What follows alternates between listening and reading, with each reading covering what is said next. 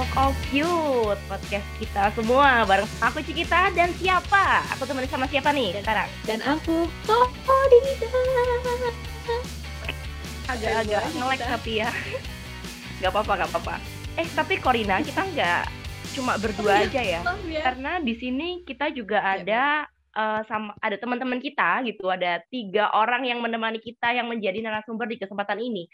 Yang pertama ada Jenis Clarissa.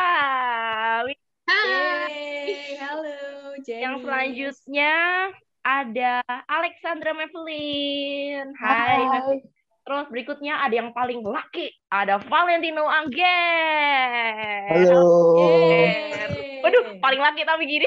paling cantik kayaknya bukan paling laki. Sombong lagi virtual background ya kan? Virtual background-nya mendukung banget nih. Ya. Ini ada pertanyaan pertama ya. Pertanyaan pertama adalah kalian ini kan baru aja dilantik gitu kan. Jenny jadi ketua BEM, Nevelyn Yes. jadi ketua LPM, Angger jadi ketua BPM. Tapi mungkin ini pertanyaan perwakilan aja ya untuk eh, yang paling laki gitu. Ada Angger, yang paling laki gitu kan. Nah, Angger gimana nih setelah kamu eh, dilantik jadi ketua BPM Fakultas Ilmu Komunikasi ya? Nah, gimana nih? Ada perubahan signifikan apa? Apakah followers naik? Atau mungkin waktu kamu beli bakso tiba-tiba, eh Kak Angger minta foto dong? Atau gimana gitu? Lah dikira habis audisi idol kali ya. Enggak, tapi pasti kan ada beberapa perubahan, penyesuaian. Mungkin kamu akhirnya harus em, punya banyak kerjaan mungkin, karena harus lebih mengurus eh, BPM, atau gimana? Perubahan apa nih yang kamu rasakan gitu? Untuk perubahan dari yang awalnya cuma anggota sekarang jadi ketua itu perubahannya jelas banget. Terutama followers ya, lumayan naik 10, 15 orang gitu ya. Oh gitu, Terus- ya ya. Terus perubahannya ya seperti eh, harus menjadi leader terutama. Jadi kayak eh, informasi-informasi yang pertama ki harus kita salurkan ke ke grup-grup atau kalau bisa di di private chat gitu. Kita harus lebih paham yang yang terutama kita harus lebih paham tentang bagaimana BPM itu seperti apa, bagaimana program kerja dari BPM dan juga mengenali ormawa-ormawa di, kiri kanan kita yaitu BEM dan juga LPM seperti itu. Sekali gitu. Jadi salting aku ngeliatnya. Waduh, Masih Oke, cocok mungkin nggak udah dijuluki laki Ini gitu. sekarang perwakilan. Di- masih cocok. Eh, Laki sekali. Asik. Mantap. Oke, tadi udah ada Angger yang jawab. Mungkin sekarang bisa em, Jenis mungkin jawab kan. Sekarang ini kita udah setahun lebih ya kan kuliah online. Nah mungkin menurut Jenis nih, enakan kuliah apa kuliah yang mana online atau offline gitu. Waduh, pertanyaannya berat ya. Cuman kalau dibilang enak mana kuliah offline atau online, pasti ada plus minusnya, ada enak gak enaknya. Cuman kalau misalnya dari segi kuliah, mungkin lebih enak online ya. Karena bisa lebih fleksibel, nggak buang waktu di jalan, kan OTW lumayan ya guys, apalagi kalau rumahnya jauh dari kampus gitu. Terus juga lebih fleksibel buat ngatur jam rapat gitu kalau misalnya sama ormawa dan segala macam. Cuman kalau dari segi kita ormawanya, dari organisasinya, itu kita prefer banget offline. Pasti Meve sama Angger juga setuju gitu. Karena apa? Karena kesulitan juga, sedangkan kita selalu ngadain program kerja, event yang mungkin memfasilitasi teman-teman untuk bisa mengembangkan diri gitu kan. Kayak Wellpart, terus habis itu eh, ada Konfis, ada LPM mungkin bioskop kampus yang pastinya tiap tahun tuh tunggu-tunggu dan kita udah prepare sulit sulit gitu tapi kayak online itu perubahannya besar banget jadi kita kalau dari segi organisasinya sih prefer ke offline tapi kalau kuliah mungkin bisa online lebih enak kayaknya Iya, benar-benar. Aku setuju sih. Setuju sih kalau misalnya online itu kayaknya kalau kuliah tuh lebih memudahkan. Tapi kalau ketemu sama teman-teman organisasi itu kayaknya offline tuh lebih menyenangkan. Karena yang virtual tuh nggak ada yang enak, guys. iya ada Karena ini harus kayaknya- harus aduh, ini nyambungnya ke yang lain ya kayaknya ini Iya, iya yang lain, sorry nggak enak. Iya, maaf ya, agak melenceng gitu kan. Virtual LDR nih kayaknya, Iya, bawa-bawa. LDR gitu. udah berat nih Maaf ya. Jadi diselipin curhat jadinya. Sorry, sorry. Oke. Mungkin sekarang nih uh, bisa dari Mevelia nih. Dari tadi diem-diem can- cantik kan, senyum-senyum gitu kan. Nggak jawab apa-apa. Nah, mungkin uh, kalau misalnya dari sisi kuliah online nih. Kira-kira dosennya tuh galakan waktu kuliah offline atau online? Nih, kan pasti itu beda tuh. Ketemu secara virtual sama secara langsung tuh pasti vibes-nya beda. Gimana tuh kira-kira? Em, kalau mau masalah dosen sih kayaknya uh, mungkin kalau misalkan online itu biasanya paling galaknya itu cuma kayak ayo on cam gitu kan kita bangun pagi nggak pakai apa bajunya bukan kemeja gitu kayak gupuh gitu kan nah itu kalau misalkan di kelas sih kayaknya nggak pernah galak sih ya dosen-dosennya iya Eh, Waduh. Cari aman ya jawabannya. cari apa Aman jawabannya. ya kalau misalnya kuliah online nih tipe-tipe yang gimana? Kalau misalnya online on cam ketika dosen minta atau emang udah inisiatif on cam atau memang on cam tapi cuma segini doang. Nah, ayo, ayo ngaku, ngaku. kita banget di kelas Kayaknya- kayaknya. iya. Ketahuan kita cik. Sayangnya kita tidak bisa menjawab ya, Kor. Karena kita Iya. bertugas aja gitu ya. Iya benar. Kita berdu- hari ini kita bertugas ngerosting orang bukan di roasting. ngerosting Bener-bener. Cuma Iya. ini ada satu pertanyaan yang em, ini bebas deh siapa yang mau jawab terserah. Cuma aku penasaran karena sebenarnya kan em, kita berjalan online ini kan cukup mendadak kan ya. Kita nggak menduga tiba-tiba semua harus serba online. Nah, kebetulan program kerja kalian kan sebelum-sebelumnya tuh pada offline semua tuh. Bahkan yang eh, kalau nggak salah Konfis itu pernah sampai ngadain konser. Nah, terus akhirnya tiba-tiba harus berjalan online. Ini nggak cuma berlaku Konfis sih, tapi untuk program kerja yang lainnya, gimana nih persiapan kalian yang tiba-tiba harus putar otak untuk setting semuanya jadi online? Terserah siapa yang mau jawab, silakan. Mungkin aku jawab kali ya. Tapi mungkin nanti Meve bisa nambahin karena kebetulan kan Konfis aku dan Meve nih KP-nya kemarin yang 2021. Yes.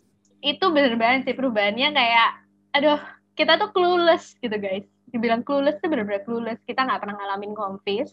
Dan waktu itu memang kita tahun 2020 kan panitia lepas. Kalian juga kayaknya rata-rata semua panitia lepas Konfis kan 2020 gitu. Tapi acaranya kagak jadi kan guys. Itu kan bener-bener seminggu dibat seminggu sebelumnya dibatalin kan.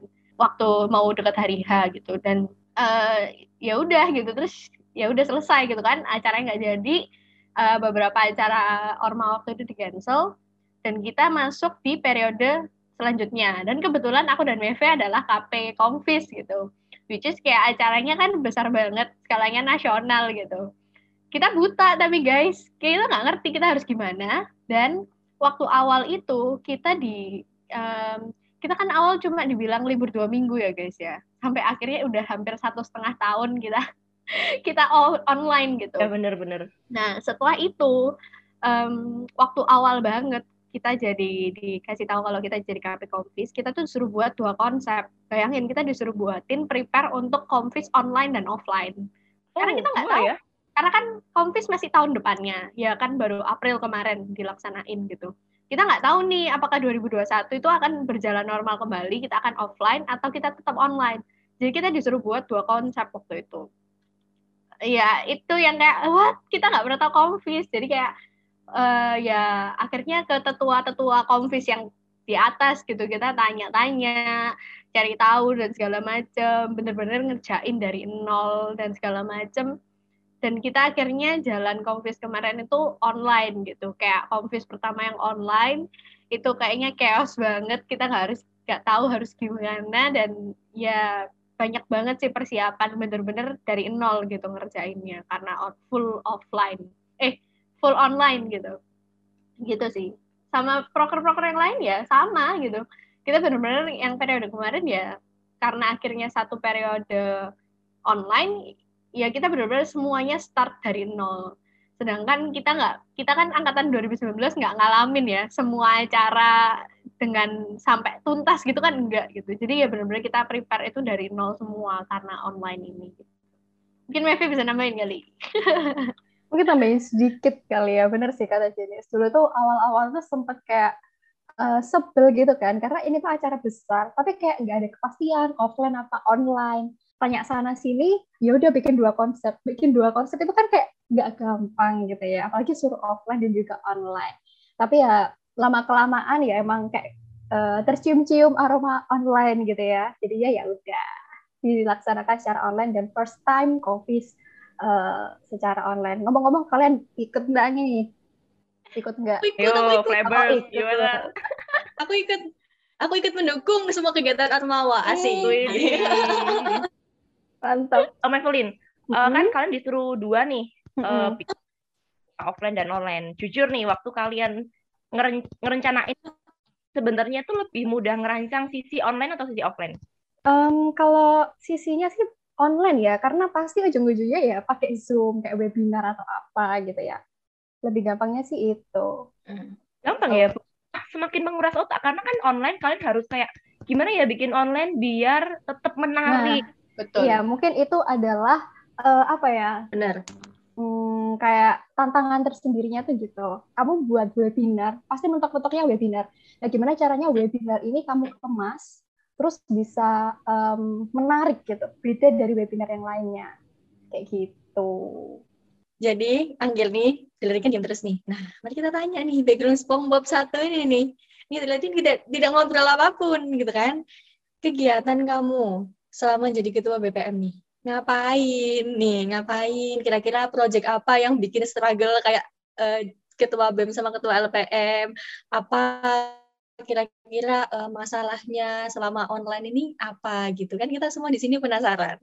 Untuk kerja awal-awal ini udah dikasih kerja ya dari BEM sama LPM berupa LPJ-nya mereka yang barusan saja dikirimkan. Jadi kita dari BPM harus mengkoreksi apakah laporan pertanggungjawabannya itu sudah benar atau belum. Juga kalau dilihat eh, susah-susah susah dukanya buat online ini banyak dukanya sih, terutama untuk birokrasi ya. Eh, Untuk komunikasi, terutama kan ini anak 2020 kan kita punya eh, teman-teman dari angkatan 2020 yang notabene pasti sebagian besar belum kenal aku terutama karena karena mereka semua ya kebanyakan tidak memilih BPM sebagai organisasi pilihannya dan pasti kalau untuk Jenis dan Mavelyn mungkin sempat lihat karena mereka kan tampil di kompis dan menjadi ke ketua pelaksana. Eh, jadi suka dukanya harus memperkenalkan diri terlebih dahulu, harus eh, harus mengajak mereka lebih aktif, lebih aktif untuk eh, menanggapi semua apa-apa yang di chat atau diinformasikan lewat grup dan di, ra- di rapat, rapat perdana, atau rapat-rapat selanjutnya mereka harus diajak untuk lebih bisa menyampaikan ide-ide mereka kan. Kan biasanya anak-anak muda ini ide-idenya lebih daripada orang-orang yang udah kepala dua ini ya. Aduh, Angger kamu ini kepala dua udah berasa kayak kepala empat aja loh. Berat ya? Jawabnya tuh agak Berat. berat gitu. Tahu gitu. nggak sih? Waktu Angger kayak jawab, Deg-degan dengernya Nah, itu. makanya waktu Angger jawab itu udah berasa kita kayak rapat sidang ormawa gitu kayaknya ya. Udah cocok jadi bapak kan ya? Iya. Makanya jadi ketua BPM, guys. Iya. Karena dia Aku yang mengawasi kinerjanya BEM dan LPM gitu kan. Oh iya ya koreksi Sampai koreksi gitu. gitu ya. Di bawahnya. Jadi sebenarnya. BPM ini Panas juga banget koreksi-koreksi laporan-laporan gitu ya dari dari LPM dan BEM karena Hmm. emang itu ya sebenarnya emang itu tugasnya adalah eh, kalau nggak salah kan mengkoordin mengkoordinir terus ngelihat gimana Iya. kinerjanya dari LPM atau BEM bener nggak sih Bener. koreksi deh kalau salah aku Ya, takut salah kado ngomong tugasnya salah Ya, salah satu tugasnya itu. Tapi yang utama kan namanya juga badan perwakilan ya. Jadi kita mewakili nih suara-suara atau aspirasi dari mahasiswa. Jadi kita menjembatani gitu loh ceritanya Oh, Nah, ini. benar-benar. sama fakultas gitu. Nah, ini nih, Oh, tantangan-tantangan tersendiri nih waktu online. Kamu kan berusaha em, menampung aspirasi, menampung pendapat dari mahasiswa, gitu kan ya. Kalau online gini gimana sistemnya? Ger, Hmm, benar. mana nih? Eh, cukup Ayo. sulit ya. Karena kan sebelumnya di program kerja BPM yang sebelumnya itu ada, memang ada eh, tempat untuk menampung apa itu kritik saran terhadap ya unit-unit penunjang di fakultas itu eh, itu namanya box voice namanya karena bentuknya kotak. Sedangkan waktu online ini belum ada eh, tempat yang bisa mewadahi eh, apa aspirasi-aspirasi dari mahasiswa. Jadi kita cuma bisa mewadahi melewati apa namanya sarasehan yang di mana itu Oh, cuma ya yang sarasehanin dosen dan unit penunjang lainnya.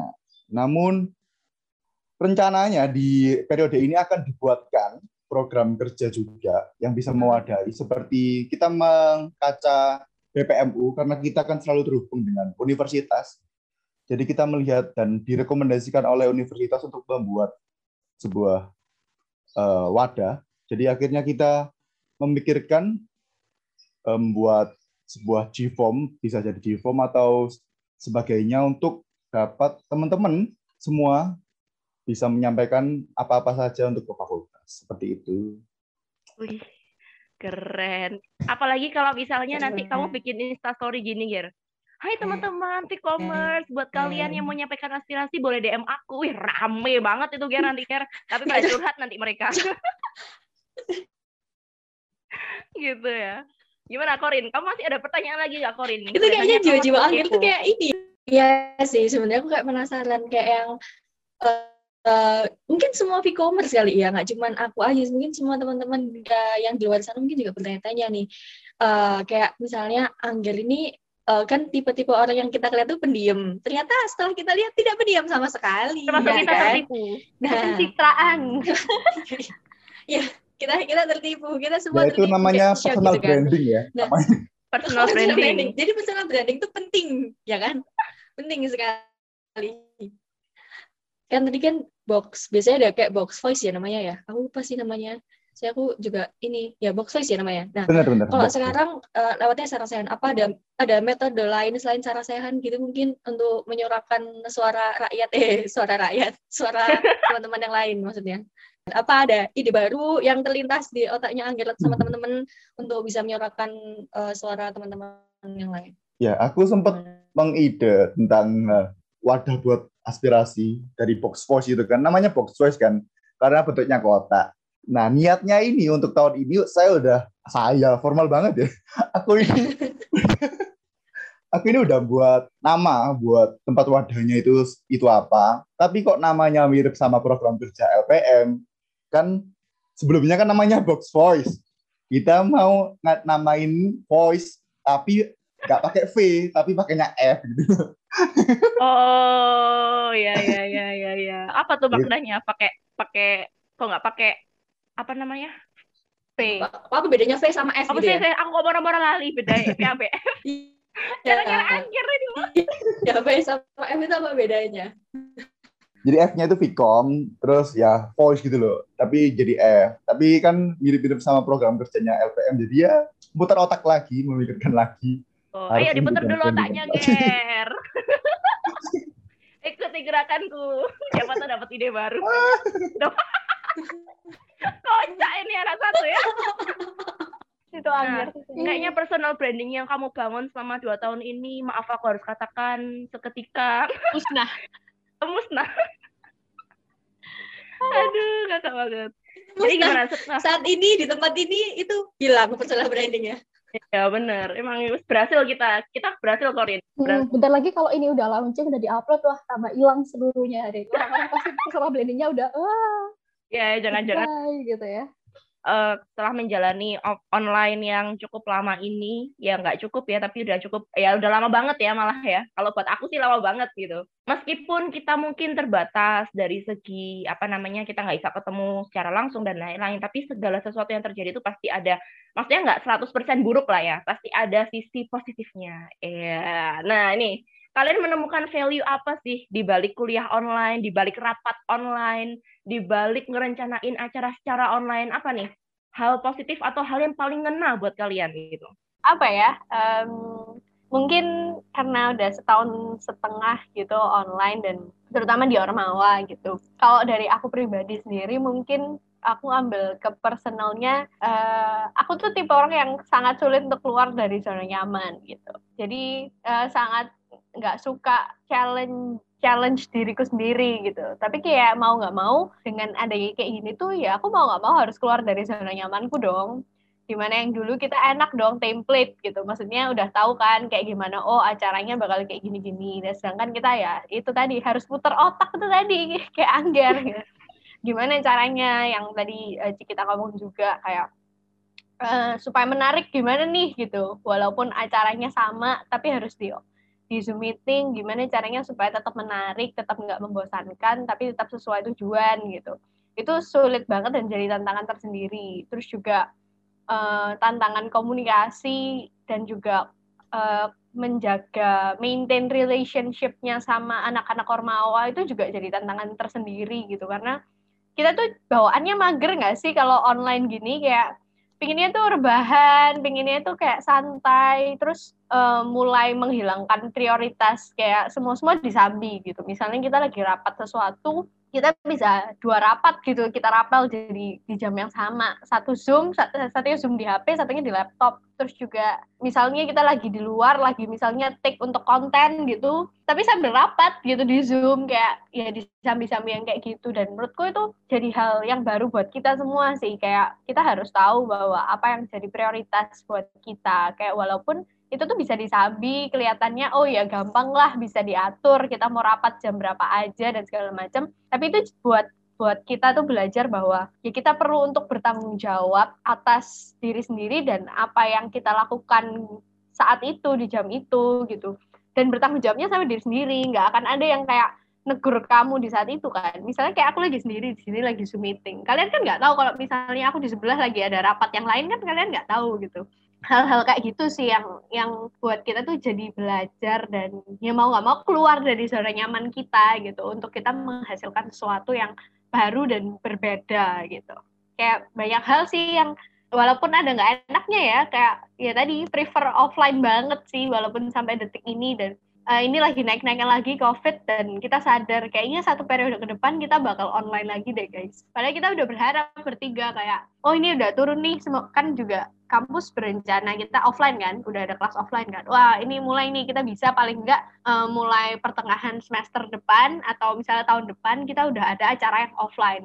Jadi kegiatan yang kemarin kita postpone dan nggak jadi itu akan ada gitu. Tapi ternyata kok kayaknya nggak bisa lagi deh ini. Kita harus putar otak nih supaya yang setahun kemarin uh, jadi pelajaran dan kita buat lagi yang lebih baik lagi di di periode yang ini kayak ya itu sih banyak lah silakan banyak hal yang bisa didapetin gitu ya. Kalau dari Jenis mungkin lebih ke arah keluar dari zona nyaman akhirnya mau nggak mau ya awalnya terpaksa tapi ternyata juga uh, banyak hal baik yang bisa kamu dapetin juga gitu kan. Kalau Meve Meve gimana Meve um, kalau dari aku sih mungkin uh, positif ya ya. Anak muda sekarang itu hebat banget sih menurut aku. Nggak semua, nggak cuma anak muda aja, tapi semua orang yang sekarang ini hebat-hebat banget. Karena perubahan dunia ini kan juga semakin hari kan juga kayaknya semua itu baru serba baru. Yang semuanya itu kayak di online terus acara semua online pengetahuan secara online gitu ya. Dan mereka tuh bisa kayak um, bertahan gitu di, di sisi kayak mungkin di balik itu semua mereka ada kayak um, pressure-nya sendiri gitu. Tapi uh, mereka tuh bisa membuat sebuah karya yang baru, kreativitas yang baru gitu loh. Itu sih lebih ke apresiasi ke diri masing-masing, lebih kayak oh ternyata aku bisa ya kayak gini ya. Aku bisa loh buat acara kayak gini. Contohnya aja di Ormawa ataupun di lab ya. Lab yang sebelumnya mungkin kita bisa lihat di Instagramnya juga gitu kan. Kita bisa lihat uh, perkembangannya seperti apa gitu. Jadi makin ke sini makin kreatif, makin kayak sebenarnya kita bisa loh kalau misalnya kita berusaha, kita mau mau belajar, itu tuh bisa untuk membuat sebuah yang wow gitu. Gitu sih kalau dari aku. Uh, keren udah ini kesimpulan hal-hal okay. yang keren ini yang disampaikan. Ya benar. Ini tadi udah suatu hati apa suara hati ya dari para ketua BEM dan ketua LPM sebenarnya. Ya semoga aja nanti next uh, kita bisa um, melakukan hal-hal yang tidak bisa dilakukan saat pandemi saat ini gitu. Nah, ini Anggil itu tadi senyum-senyum. Aku suka deh kayak bikin Anggil ketawa ini nih. Mungkin dari sisi Anggil nih ada pesan nggak nih buat e-commerce atau teman-teman yang lainnya um, kehidupan tentang pendidikan kalian atau tentang uh, masalah kuliah kalian atau kayak gimana tuh bebas. Apa pesan-pesan dari Anggil untuk teman-teman e-commerce? Ya, untuk pesan dan pesan e-commerce 2020 ataupun nanti yang 2021 bakal lihat konten ini di lab eh, nggak uh, sempet ngerasain ya uh, namanya hari-hari terakhir SMA maupun hari-hari awal kuliah perkuliahan itu seperti apa. Jadi ya kita sebagai manusia kita harus bisa beradaptasi. Kata-kata yang paling penting itu kita harus beradaptasi. Uh, dari dari perubahan dari sekolah masih sekolah ber, berpindah menjadi universitas itu pasti berubah banget dari yang sebelumnya kita itu masih ya bisa dibilang guru itu masih kayak ayo kerjain tugas. Sekarang kalian harus dituntut mandiri meskipun online online begini. Yang pertama kalian harus bisa memaintain waktu kalian. Apalagi yang ikut baik itu mau ikut lab, mau ikut raca, mau ikut ikut, uh, Kompas Corner, Ormawa ataupun yang di kementerian sekalipun yang ikut-ikut yang gak jadi kupu-kupu. Jadi kalian harus bisa memaintain terutama uh, membeda, uh, membagi waktu untuk kuliah, untuk eh, acara-acara di organisasi-organisasi kalian, membagi bagaimana rapat-rapat kalian juga, dan mungkin pesan pesan terakhir. Pesan terakhir. Serem banget pesan terakhir Gil. Oh ya ampun, Untuk Aduh, untuk kita- mengakhiri podcast, untuk Ya. mengakhiri podcast periode periode belum selesai jangan di- mulai. belum mulai. Ya, pesan untuk e-commerce di, di yang menonton podcast ini diharapkan sesuai moto Vicom, kalian bisa men-set up the future untuk masa depan kalian. Asik. Yeay. Terima kasih Angger sebagai ketua BPM kita ya. Jadi kita udah dengerin em, dari awal pesan mereka, perasaan mereka, suara hati mereka, curhatan mereka nih yang terselip-terselip ini ya kan. Ya, kita saya thank you banget sudah meluangkan waktunya di sela-sela kesibukan para ketua Ormawa ini ya kan. Terima kasih banget buat Jenny, buat Madeline, buat Angger, terima kasih. Saya Corina dan rekan saya dari kita, kita mohon pamit undur diri. Sampai jumpa di episode Talk of Youth selanjutnya. Terima kasih, sampai jumpa. Thank you. Bye-bye.